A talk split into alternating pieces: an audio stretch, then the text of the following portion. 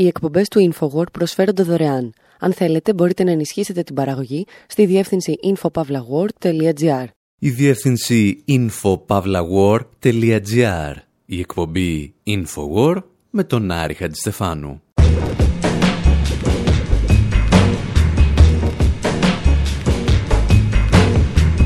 Όπου σήμερα αναρωτιόμαστε τι κοινό μπορεί να έχει η underground hip-hop σκηνή της Κούβας με την οργάνωση Λευκά Κράνη στη Συρία.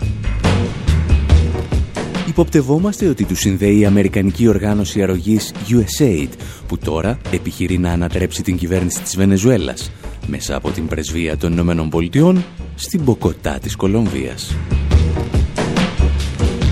Παρατηρούμε ομοφιλόφιλους στην Ουγκάντα να δολοφονούνται με εντολή κάποιων ιεραποστόλων που έφτασαν εκεί μαζί με τις πτήσεις του USAID. Φοράμε τα λευκά μας κράνη και φωνάζουμε για χημικά όπλα, περιμένοντας τα πρώτα αμερικανικά βομβαρδιστικά. Ξεκινάμε όμως με κάτι πιο ελαφρύ έως ευτράπελο.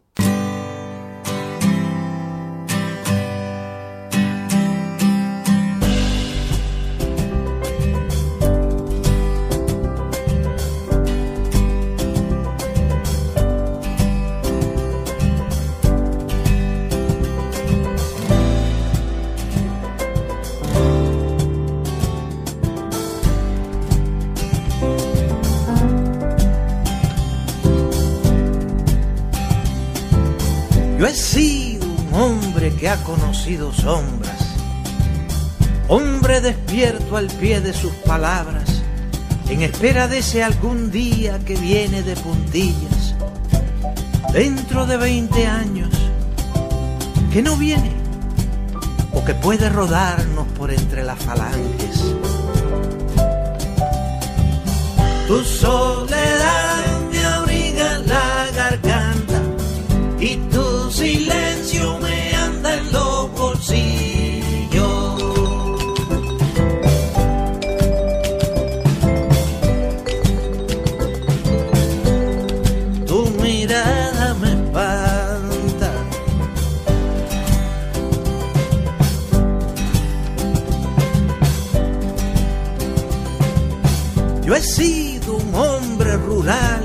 ciudadano, cenizo como los cielos de los noviembres lúgubres, y claro como tu risa de voz de pájaro.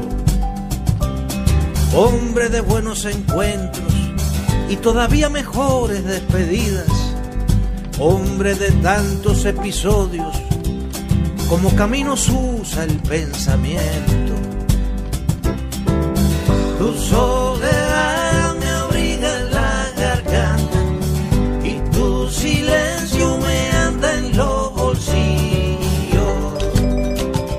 Ο κύριος που σας ιστορεί είναι ο περίφημος Σίλβιο Ροντρίγκες, κουβανός μουσικός και πατέρας του μουσικού κινήματος Νουέβα Τρόβα, από εκείνες τις στιγμές που η μουσική συναντούσε την Επανάσταση. Ο Ροντρίγκες είχε χαρακτηριστεί ο Τζον Λένον ή ο Μπομπ Ντίλαν της Κούβας, κυρίως λόγω του λυρισμού που διαπνέει όλο το έργο του από τη δεκαετία του 60 μέχρι σήμερα. Και αυτός, ο μάγος της μελωδίας και της ποίησης, κλήθηκε πριν από μερικά χρόνια να σχολιάσει το ρόλο της Αμερικανικής ανθρωπιστικής βοήθειας στην Κούβα και το έκανε με μία φράση «Ρε δεν πάτε στο διάολο». One of the leading musicians in Cuba has told the U.S. Agency for International Development to quote go to hell for ensnaring his son and other. Ένας από τους πιο γνωστούς μουσικούς στην Κούβα είπε στον Οργανισμό των Ηνωμένων Πολιτειών για τη Διεθνή Ανάπτυξη να πάει στο διάολο γιατί παγίδευσε το γιο του και άλλους hip-hop καλλιτέχνες σε ένα σχέδιο για να υποκινήσουν αντικυβερνητικές ταραχές. Ο Σίλβιο Ροντρίγκες έγραψε αυτά τα σχόλια στο blog του έπειτα από τις αποκαλύψεις του Associated Press ότι ο οργανισμός προσπάθησε να στρατολογήσει ράπερς από την Κούβα με πρόφαση κοινοφελή σκοπούς όπως η πρόληψη για τον ιό HIV. Ω μέρος του προγράμματος, ο Οργανισμός για τη Διεθνή Ανάπτυξη απευθύνθηκε στη Διεθνή Εταιρεία Creative Associates. Η εταιρεία είχε εντολή να στρατολογήσει ραπ καλλιτέχνες που ήθελαν να προκαλέσουν τη λεγόμενη κοινωνική αλλαγή. Όμως το πρόγραμμα κατέληξε να θέτει σε κίνδυνο κάποιους από τους καλλιτέχνες, καταστρέφοντας την καριέρα τους και αναγκάζοντας κάποιους, όπως ο γιος του Ροντρίγκες, να μετακομίσουν στη Φλόριντα. Todavía no vemos la luz al final del túnel. Sé que están desesperados, impacientes, demasiado presionados, envueltos en una espesa niebla donde aparentemente nada se ve. Pero solo un minuto, hay que encontrar el camino. Siento voces que me susurran y me hablan, y yo les pido y les exijo, háblenme, háblenme. Háblame. sucedieron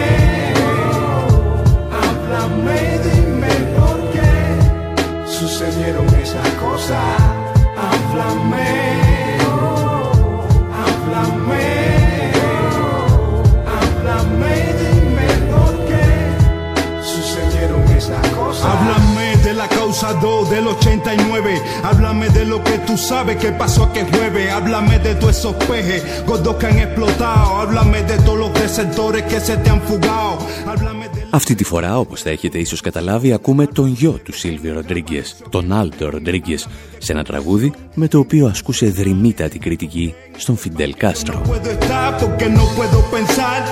Σε αντίθεση με τον πατέρα του που ήταν σάρκα από την σάρκα της κουβανικής επανάστασης, ο Άλντο ήταν αυτό που θα λέγαμε αντικαθεστοτικός και είχε κάθε δικαίωμα να είναι. Δεν ήταν όμως και πράκτορας των Ηνωμένων Πολιτειών. Παρ' όλα αυτά έγραφε τη μουσική του όταν ο διαβόητος USAID, η Αμερικανική Οργάνωση Αρρωγής, επιχειρούσε να στρατολογήσει πράκτορες στο εσωτερικό της Κούβας για να ανατρέψει την κυβέρνηση. Και όπως απέδειξε τότε το Associated Press δεν περιορίστηκε στη hip-hop σκηνή της Κούβας. Ο USAID έστησε μια ολόκληρη πλατφόρμα με εφαρμογές κινητών τηλεφώνων που στόχο είχαν να δημιουργήσουν πυρήνες από ομάδες νέων που θα επιχειρούσαν να ανατρέψουν την οικογένεια Κάστρο. Τα εξηγούσε με περισσότερο μπρίο το Al Jazeera.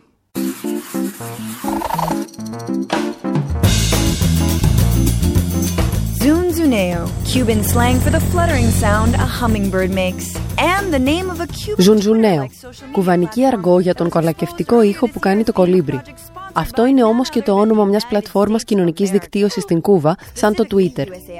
Όπως αποκαλύφθηκε, ήταν ένα έργο που χρηματοδοτήθηκε από τις Ηνωμένες Πολιτείες, συγκεκριμένα από τον Οργανισμό των Ηνωμένων Πολιτειών για τη Διεθνή Ανάπτυξη, έναν οργανισμό που συνήθως πραγματοποιεί διεθνείς ανθρωπιστικές αποστολές. Παρ' όλα αυτά, στόχος του Ζουνζουνέο ήταν η λεγόμενη προώθηση της δημοκρατίας στην Κούβα. Στόχος ήταν να ενθαρρύνει τους νέους της Κούβας να εξεγερθούν. Οι προγραμματιστές σχεδίασαν το Ζουνζουνέο έτσι ώστε να παρακάμπτει τον αυστηρό κυβερνητικό έλεγχο στο ίντερνετ χρησιμοποιώντας γραπτά μηνύματα.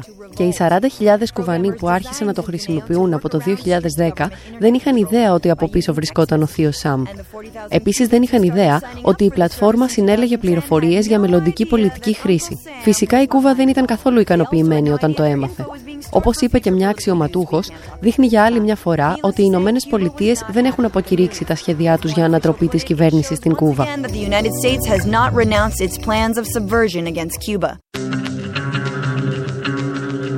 Όπως μπορείτε εύκολα να υποθέσετε, τόσο η πλατφόρμα για κινητά τηλέφωνα, όσο και η προσπάθεια στρατολόγησης κουβανών ράπερ απέτυχε παταγωδός.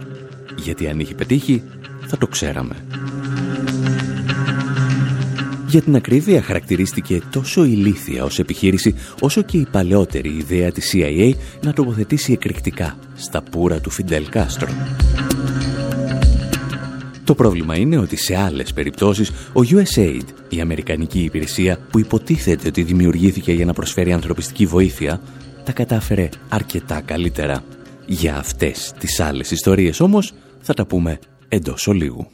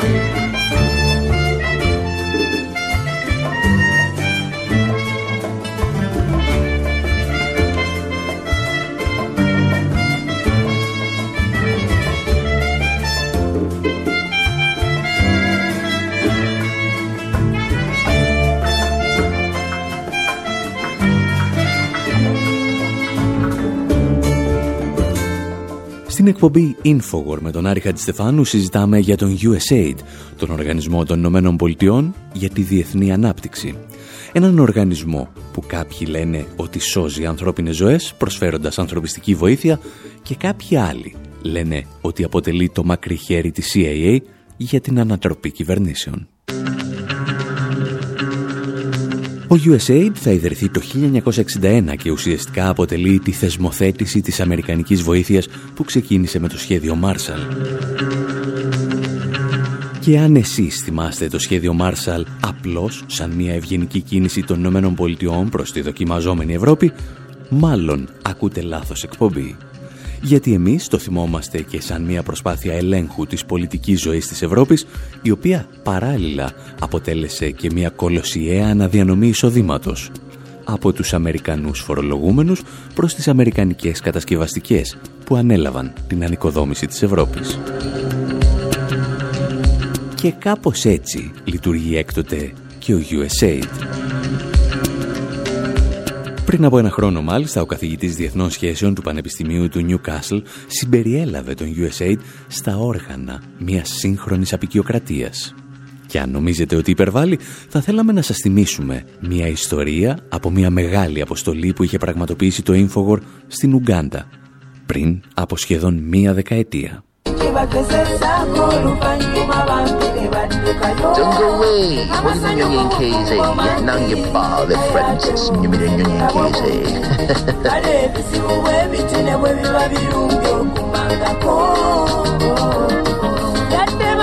Τέλη του 2010 κινούμε με ένα ταξί στο κέντρο της Καμπάλα, της πρωτεύουσας της Ουγκάντας. Η χαρούμενη μουσική και η ζωντάνια της πόλης φαίνεται να κρύβουν καλά μια σκοτεινή ιστορία που εκτιλήσεται τα τελευταία χρόνια σε αυτή την αφρικανική χώρα. Κάποιοι αποφάσισαν ότι οι ομοφιλόφιλοι της χώρας πρέπει να πεθάνουν. Τα εξηγούσε πρόσφατα το αμερικανικό ανεξάρτητο δίκτυο Democracy Now! Οργανώσεις ανθρωπίνων δικαιωμάτων στην Ουγκάντα προειδοποιούν ότι μια εφημερίδα έθεσε σε κίνδυνο τις ζωές ομοφιλόφιλων όταν δημοσίευσε 100 φωτογραφίες και ονόματα ανδρών και γυναικών με τον πηχιαίο τίτλο «Κρεμάστε τους». Η δημοσίευση έγινε σχεδόν ένα χρόνο από την κατάθεση νομοσχεδίου που θα επέτρεπε την επιβολή της θανατικής ποινής σε συγκεκριμένες πράξεις ομοφιλοφιλίας. Η σχετική νομοθεσία δεν προχώρησε ύστερα από διεθνή κατακραυγή και την προσωπική παρέμβαση του Μπαράκ Ομπάμα, ο οποίος χαρακτήρισε το νομοσχέδιο απεχθές.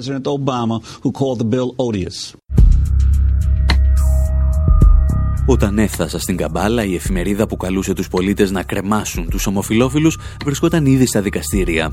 Κανένας από όσους την κατηγορούσαν όμως δεν τολμούσε να μιλήσει εκείνη τη στιγμή στο μικρόφωνο της εκπομπής. Το ερώτημα όμως είναι πώς καταλήγει μια χώρα να επιστρέφει σε μεσαιωνικές αντιλήψεις εν έτη 2010.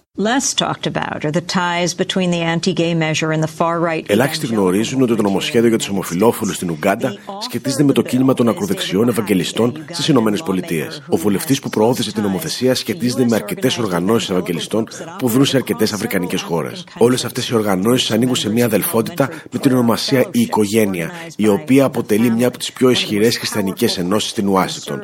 Η οικογένεια κρατούσε μυστική την ύπαρξή της μέχρι πριν από ένα χρόνο highly secretive. It didn't even admit it existed until last year. Η λεγόμενη οικογένεια είναι μια γιγαντιαία οργάνωση ακροδεξιών χριστιανών με άμεση πρόσβαση ακόμη και στο Λευκό Οίκο. Ο πρόεδρος Ομπάμα είχε παραβρεθεί στο παρελθόν σε μια από τις συναισθιάσεις της, όπως είχε κάνει και ο προκάτοχός του, ο George Bush. Το τρίτο M λοιπόν ήταν εδώ. Πώς φτάνουν όμως ομάδες χριστιανών φονταμενταλιστών να κηρύξουν το μίσο σε μια χώρα της Αφρικής; Παλαιότερα μετακινούνταν με τις αρμάδες των απικιοκρατών. Σήμερα φτάνουν συνήθως μαζί με την ανθρωπιστική βοήθεια των νέων απικιοκρατών. Τα εξηγούσε στον Democracy Now! ο Τζεφ Σκάρλετ, ακαδημαϊκός και δημοσιογράφος στις Ηνωμένες Πολιτείες. President Yoweri Museveni, uh, which goes back to 1986. Um, he came into power uh, Ο σημερινός πρόεδρος ήρθε στην εξουσία το 1986 και μάλιστα τότε θεωρούνταν προοδευτικός. Αυτός άρχισε να δέχεται την οικονομική βοήθεια των ΗΠΑ, το ύψος της οποίας έφτασε σε δισεκατομμύρια δολάρια. Και με αυτή τη βοήθεια σχετίζονταν αρκετοί Αμερικανοί πολιτικοί όπως ο Άσκροφτ. Το αποτέλεσμα ήταν ότι σε μερικά χρόνια η χώρα άρχισε να στρέφεται προς μια έντονη μορφή θρησκευτικότητας.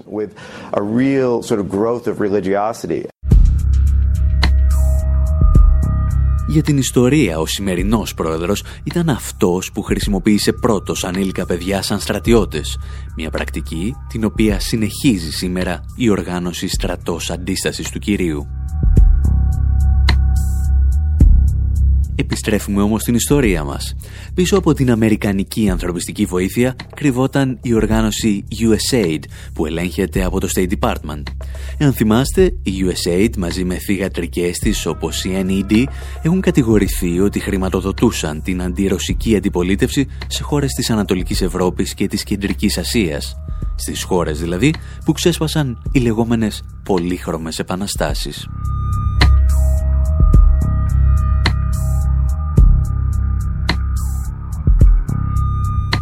Ο USAID λοιπόν, ο οργανισμός που σήμερα ουσιαστικά συντονίζει τη λεγόμενη ανθρωπιστική βοήθεια προς τη Βενεζουέλα, έχει μια κακή συνήθεια να προσπαθεί να ανατρέψει κυβερνήσεις που δεν συνεργάζονται με τις Ηνωμένες Πολιτείες. Στο δεύτερο μέρος της εκπομπής θα τον δούμε να φορά ένα λευκό κράνος και να κάνει πραγματικότητα το σενάριο από ένα επεισόδιο του House of Cards. Επειδή όμως μιλήσαμε για τη Βενεζουέλα, σας έχουμε και μερικά νέα. Το νέο ντοκιμαντέρ μας, για το οποίο σας έχουμε πρίξει εδώ και ένα χρόνο, θα κάνει την επίσημη παγκόσμια πρεμιέρα του στο Διεθνές Φεστιβάλ Ντοκιμαντέρ Θεσσαλονίκης στις 5 Μαρτίου. Όπως έχουμε πει όμως, όσοι μας βοηθήσατε και συνεχίζετε να μας βοηθάτε οικονομικά σε αυτό το μεγάλο ταξίδι, θα λάβετε δωρεάν κωδικούς για να το παρακολουθήσετε δωρεάν στους υπολογιστές σας. Προσπαθούμε μάλιστα να εξασφαλίσουμε αίθουσες σε μεγάλες πόλεις και να σας καλέσουμε να το δούμε όλοι μαζί. Περισσότερα για όλα αυτά όμως θα βρείτε στη διεύθυνση info.pavlawar.gr και στο site του ντοκιμαντέρ maketheeconomyscream.com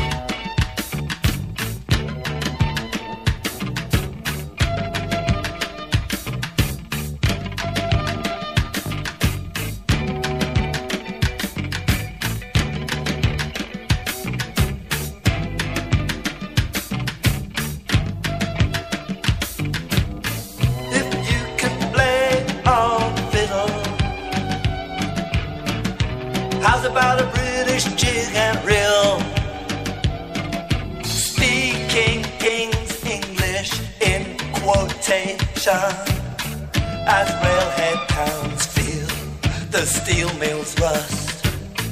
Water froze in the generation. Clear as winter ice. This is your paradise. There ain't no need for ya. There ain't no need for ya. Go straight to hell, boys. Go straight to hell, boys. Wanna join in a chorus of the Amerasian blues when it's Christmas out in Ho Chi Minh City. Kitty say, Papa, Papa, Papa, Papa, Papa Sam, take me home. See me got photo, photo, photograph of you and Mama, Mama, Mama Sam. Of you and Mama, Mama, Mama Sam. Let me tell you about your blood bamboo kid. It ain't Coca-Cola, it's rice. Straight to hell. Go straight to hell, boy. Go straight to hell, boy. Go straight to hell, boy. Oh, Papa Sam, please take me home. Oh, Papa San, everybody, they wanna go home. So Mama San says,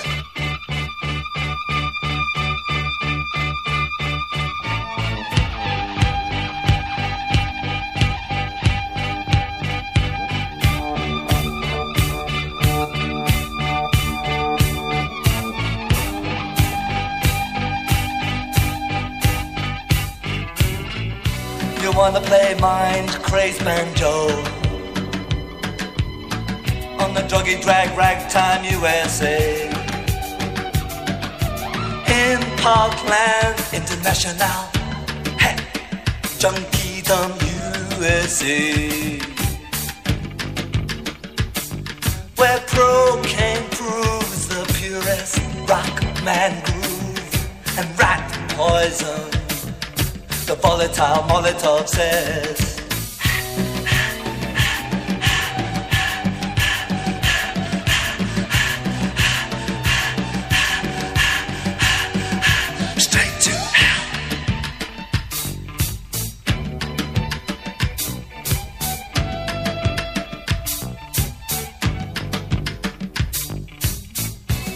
It up loud and strong? The immigrants they wanna sing all night long. It could be anywhere, most likely could be any frontier, any hemisphere.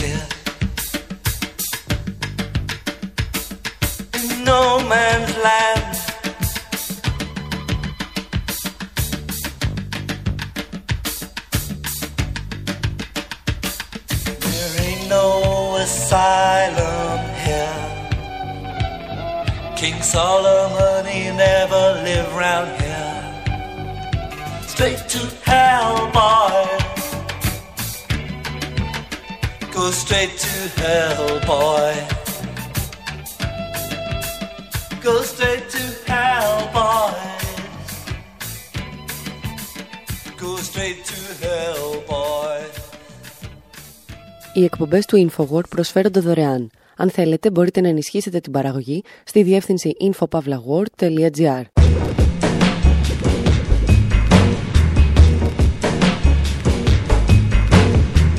Εκπομπή Infowar, μέρος δεύτερο όπου ακούμε παλιές και νέες ιστορίες για τις επιχειρήσεις ανθρωπιστικής βοήθειας των Ηνωμένων Πολιτειών. Επιχειρήσεις που συνήθως, εκτός από σακιά μερίζει, μεταφέρουν από δολοφόνους ιεραπόστολους μέχρι διαφόρων ειδών αντικαθεστωτικούς. Σε ορισμένες περιπτώσεις πάλι μεταφέρουν απλώς ορισμένα λευκά κράνη. Και επειδή το παιχνίδι εδώ χοντρένει, θα χρειαστούμε τη βοήθεια του Λουίς Άρμστρονγκ, ελαφρώς διασκευασμένου. Oh,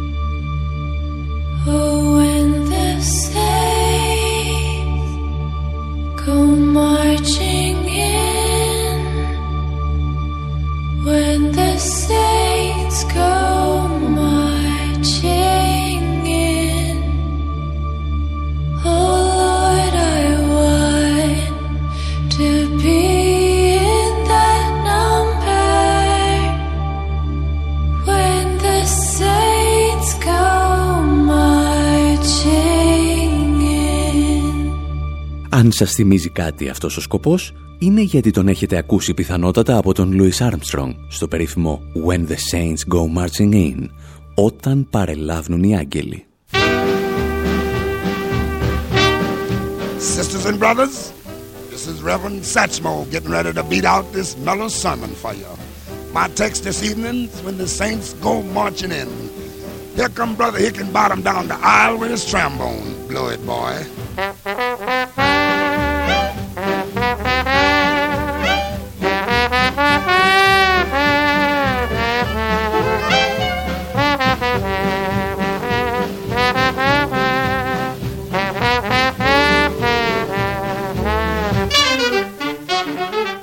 Οι άγγελοι για τους οποίους έπαιζε μουσική και τραγουδούσε ο Λούις Άρμστρονγκ ήταν βέβαια αληθινοί, στο βαθμό δηλαδή που ένας άγγελος μπορεί να είναι αληθινός. Και το λέμε γιατί το τραγούδι στηρίζεται σε ένα παλιό gospel ύμνο. Αντίθετα, η πρώτη εκτέλεση που ακούσαμε προέρχεται από το τρέιλερ της ταινίας The White Helmets για την οργάνωση Λευκά Κράνη που δραστηριοποιούνταν στη Συρία. Και ενώ τα Λευκά Κράνη είναι μια ανθρωπιστική οργάνωση που προσέφερε πολλές φορές σημαντική βοήθεια σε θύματα του εμφυλίου πολέμου, έχουμε ένα μικρό προβληματάκι με όσους τους συγκρίνουν με αγγέλους. Πρώτα όμως θα αφήσουμε τον δημοσιογράφο Max Blumenthal από μια παλαιότερη συνέντευξή του στο δίκτυο Real News Network να μας πει δύο λόγια για την ιστορία της οργάνωσης. The White Helmets were created in 2013 with funding from Western governments and training from a British mercenary named James Lemercier, Τα λευκά κράνη δημιουργήθηκαν το 2013 με χρηματοδότηση από κυβερνήσεις της Δύσης και εκπαιδεύτηκαν από ένα Βρετανό μισθοφόρο που λέγεται James LaMercier. Αυτός εγκαταστάθηκε στη νότια Τουρκία με χρήματα από το State Department και το Βρετανικό Υπουργείο Εξωτερικών για να εκπαιδεύσει την πρώτη ομάδα που ανταποκρίθηκε. Τα χρήματα που άρχισε να λαμβάνει η ομάδα του, αρχικά εκατοντάδες χιλιάδες και αργότερα εκατομμύρια δολάρια, έφταναν μέσω του USAID, του Οργανισμού των Ηνωμένων Πολιτειών για τη Διεθνή Ανάπτυξη. Ο οργανισμός αυτός έχει προωθήσει ανατροπές καθεστώτων σε όλο τον κόσμο. Και ο σκοπός της χρηματοδότηση των λευκών κρανών δεν ήταν απαραίτητα ανθρωπιστικός. point of funding the White Helmets was not necessarily humanitarian. Τα λευκά κράνη λοιπόν πιθανότατα δεν θα είχαν δει το φως της ημέρας εάν δεν είχαν λάβει μερικές δεκάδες εκατομμύρια από την οργάνωση USAID, δηλαδή από την Αμερικανική κυβέρνηση. Και ο βασικός στόχος της ύπαρξής τους, όπως εξηγούσε ο Μαξ Μπλούμελθαν, ήταν να στηρίζουν τις αντικαθεστωτικές δυνάμεις στη Συρία και να αποτρέψουν με κάθε μέσο την επιστροφή των κυβερνητικών δυνάμεων του Μπασάρα Λάσαντ. The 23 million, at least 23 million that this group has received, um, Τα τουλάχιστον 23 εκατομμύρια που έλαβε αυτή η ομάδα προσκοπούσαν σύμφωνα με εξωματούχους του State Department στην ενίσχυση των πολιτικών και κυβερνητικών φορέων σε αυτό που αποκαλούσαν απελευθερωμένο έδαφος. Στην πραγματικότητα είναι εδάφη που βρίσκονταν στα χέρια των ανταρτών. Οπότε τα χρήματα ουσιαστικά αποσκοπούσαν στην προώθηση μιας πολιτικής και κυβερνητικής δομής που θα άνοιγε το δρόμο για την πραγματική ανατροπή της κυβέρνησης Συρίας και την αντικατάστασή της από ένα άλλο είδος κυβέρνησης όπως έγινε στο Ιράκ και στη Λιβύη. Το σχέδιο βέβαια τελικά πέτυχε. Τα λευκά κράνη δεν κρύβουν ότι θέλουν να εντείνουν τη στρατιωτική επέμβαση στη Συρία.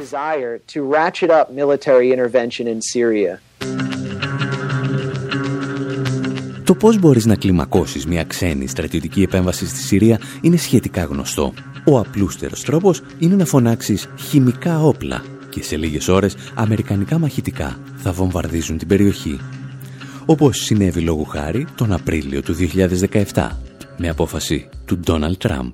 My fellow Americans, on Tuesday, Syrian dictator Bashar al-Assad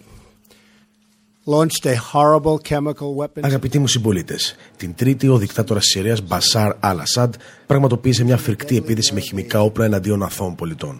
Χρησιμοποιώντας ένα θανατηφόρο νευροπαραλυτικό αέριο, ο Άσαντ αφαίρεσε τη ζωή από αβοήθητους άντρες, γυναίκες και παιδιά. Ήταν ένας αργός και βασανιστικός θάνατος για πολλούς. Ακόμα και όμορφα μωρά δολοφονήθηκαν σε αυτή τη βάρβαρη επίθεση. Κανένα παιδί του Θεού δεν θα έπρεπε ποτέ να βιώσει τέτοιο τρόμο. Σήμερα έδωσε εντολή για στρατιωτικό χτύπημα στο αεροδρόμιο της Συρίας από όπου ξεκίνησε η επίθεση με τα χημικά. In Syria, from where the chemical attack was launched. Το πρόβλημα ήταν ότι σχεδόν το σύνολο των πληροφοριών που παρουσίαζε ο Τραμπ προέρχονταν από οργανώσεις που δρούσαν στις περιοχές των ανταρτών, με τις ευλογίες των ανταρτών, όπως ήταν λόγου χάρη τα λευκά κράνη, τα οποία, αν θυμάστε, χρηματοδοτούνταν από το USAID, εν ολίγης δηλαδή από τον Donald Τραμπ. Όπως εξηγούσε τότε ο κορυφαίος δημοσιογράφος και ερευνητής Σίμουρ Χέρς, οι Ηνωμένες Πολιτείες δεν είχαν στη διάθεσή τους κανένα στοιχείο που να επιβεβαιώνει τη χρήση χημικών όπλων, εκτός από κάτι ερασιτεχνικές φωτογραφίες. We know nothing about what really happened because no independent unit has been, has no στην πραγματικότητα δεν έχουμε ιδέα τι συνέβη γιατί καμία ανεξάρτητη αρχή όπως ο ΙΕ δεν μπόρεσε να προσεγγίσει την περιοχή. Είναι πολύ επικίνδυνο και μπορεί να σου πάρουν το κεφάλι. Μιλάω κυριολεκτικά. Προσωπικά λοιπόν δεν έχω ιδέα τι συνέβη. Η άλλη πλευρά ισχυρίστηκε ότι χρησιμοποίησε αέριο σαρίν. Είναι πιθανό να το χρησιμοποίησαν κάποιες τοπικές ομάδες. Η βόμβα όμως που έπεσε από τις Συριακέ δυνάμεις δεν περιείχε σαρίν. Το μόνο που ήθελε να πετύχει η Συρία εκείνη την ημέρα ήταν να χτυπήσει μια συνάντηση με ηγέτες τοπικών ομάδων τζιχαντιστών uh, jihadist groups there. They had a meeting about what to do. The issue of my story is not to try and explain what happened, but to explain what did not happen. What did not happen. Το ζητούμενο για εμένα δεν είναι να εξηγήσουμε τι συνέβη, αλλά τι δεν συνέβη. Και αυτό που δεν συνέβη είναι ότι η Συρία έριξε μια βόμβα με σαρίν. Αυτό το γνωρίζουν όλοι οι επιτελείς και είμαι απόλυτος. Ο Τραμπ ενημερώθηκε μια μέρα πριν διατάξει την επίθεση. Του είπαν ότι δεν υπήρχαν στοιχεία που να στηρίζουν αυτό που ήθελε να πιστέψει.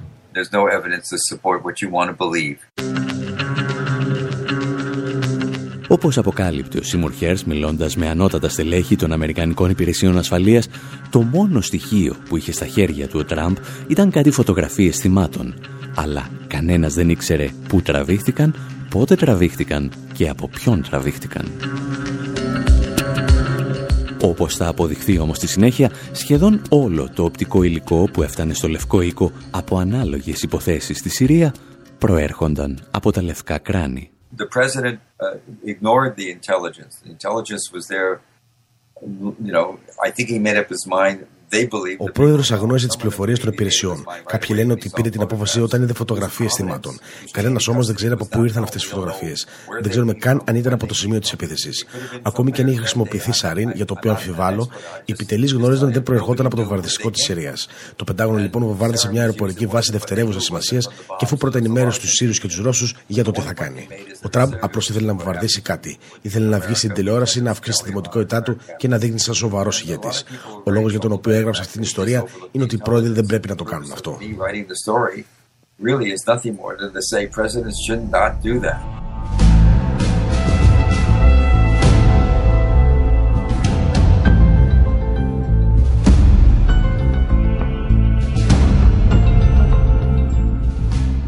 Η ιστορία είναι λοιπόν πάρα πολύ απλή. Ο USAID χρηματοδοτεί με αμερικανικά κεφάλαια μια οργάνωση όπως τα Λευκά Κράνη, τα οποία με τις πληροφορίες που διοχετεύουν δίνουν στον πρόεδρο των Ηνωμένων Πολιτειών το πρόσχημα να βομβαρδίσει μια χώρα.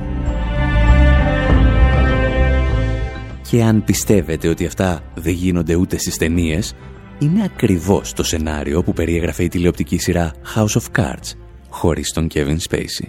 Good evening. Καλησπέρα. Έρχεται κάποια στιγμή, κατά τη θητεία κάθε Προέδρου, που βρίσκεται αντιμέτωπος ή αντιμέτωπη με το αν πρέπει ή δεν πρέπει να στείλει νεαρούς Αμερικανούς στρατιώτες στη μάχη. Στην περίπτωσή μου, αυτή η στιγμή συνέπεσε με τις πρώτες μέρες της Προεδρίας μου.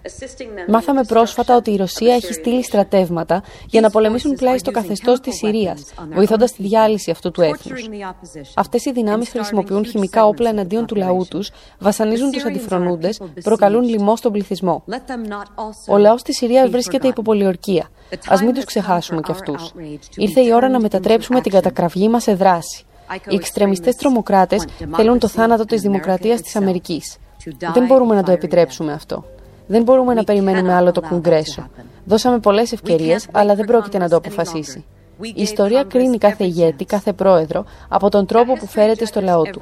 Ένα καθεστώς που χτυπάει νοσοκομεία, καταβλισμούς προσφύγων, σχολεία ή τις ουρές για συσίτιο για να διατηρηθεί στην εξουσία πρέπει να απομακρυνθεί. Ένας ηγέτης που θυσιάζει τη σωματική και ψυχολογική υγεία των πολιτών, που χειρίζεται το λαό σαν πιόνια για να παραμείνει στην εξουσία, πρέπει να εμποδιστεί. Σας ευχαριστώ και ο Θεός να ευλογεί αυτή τη σπουδαία χώρα. Thank you and God bless this great country.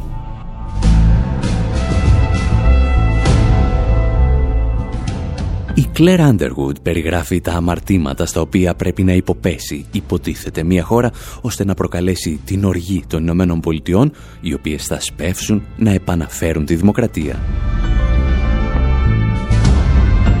Πρέπει να στρέφει τα όπλα εναντίον του ίδιου του πληθυσμού, να βασανίζει τους αντιφρονούντες και να προκαλεί λοιμό σε αυτόν τον πληθυσμό. Και αν όλα αυτά δεν συμβαίνουν, είναι δουλειά υπηρεσιών και οργανισμών όπως ο USAID να φροντίσουν να συμβούν ή να φαίνεται ότι συμβαίνουν. Σήμερα το παλεύει όπως βλέπουμε στη Βενεζουέλα. Παλαιότερα το δοκίμαζε και στην Βολιβία. Se siente, se siente, Evo presidente, Evo, Evo presidente, todo el más está presente,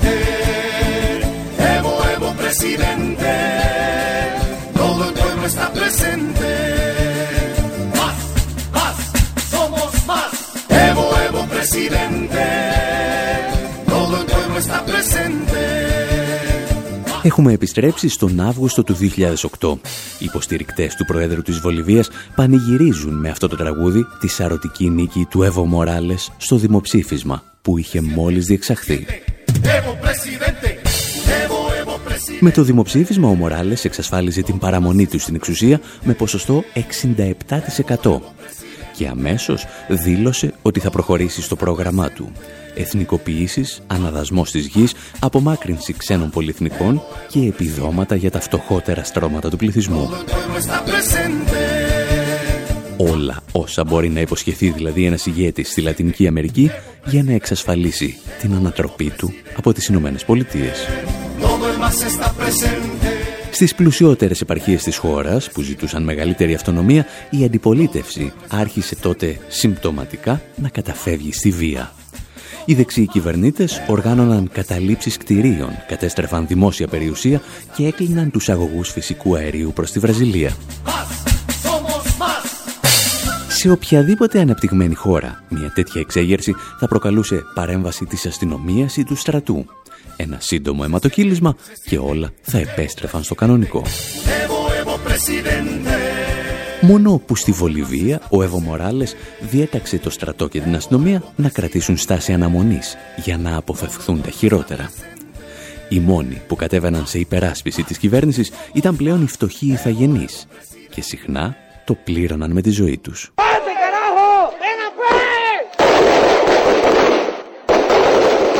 Στο χωριό Πορβενίρ, λόγου χάρη, χίλιοι κάτοικοι διαδήλωσαν εναντίον του δεξιού κυβερνήτη της επαρχίας τάγματα θανάτου που δήλωναν πίστη στον κυβερνήτη άνοιξαν πυρ σκοτώνοντας δεκάδες άοπλους πολίτες.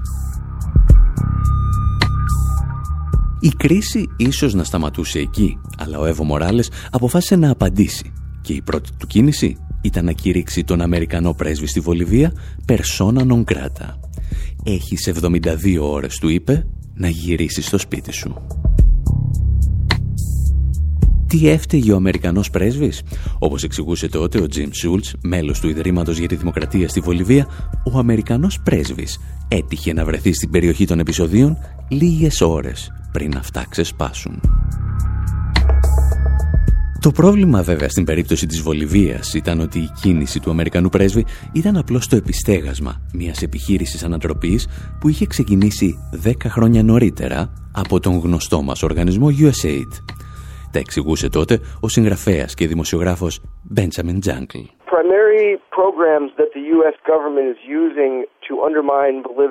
Το βασικό πρόγραμμα με το οποίο η Αμερικάνικη κυβέρνηση υποσκάπτει τη Βολιβία είναι η λεγόμενη Υπηρεσία Διεθνούς Ανάπτυξης των Ηνωμένων Πολιτειών. Από απόρριτα έγγραφα του 2002 που ήρθαν στο φως, προκύπτει ότι στόχος της υπηρεσίας στη Βολιβία ήταν να ενισχύσει μετριοπαθή και δημοκρατικά κόμματα για να λειτουργήσουν ως αντίβαρο στο κίνημα για τον σοσιαλισμό, δηλαδή το κόμμα του Ιβο Μοράλες. Εδώ και τουλάχιστον 5 ή 6 χρόνια, στόχος των ΗΠΑ είναι να περιορίσει τη δύναμη του κόμματος του Μοράλες uh, five or six years, the U.S. government has been interested in, in weakening the influence of the Evo Morales political party. Μία οργάνωση των Ηνωμένων Πολιτειών λοιπόν ενισχύει την αντιπολίτευση η οποία ύστερα από παρέμβαση του Αμερικανού πρέσβη καλεί τον πρόεδρο να παραιτηθεί. Και ο πρόεδρος ζητά την απομάκρυνση του Αμερικανού διπλωμάτη από τη χώρα του. Και αν όλα αυτά σας ακούγονται τραγικά οικεία, είναι γιατί το ίδιο ακριβώς εγχειρίδιο πραξικοπημάτων χρησιμοποιείται αυτές τις ημέρες στη Βενεζουέλα.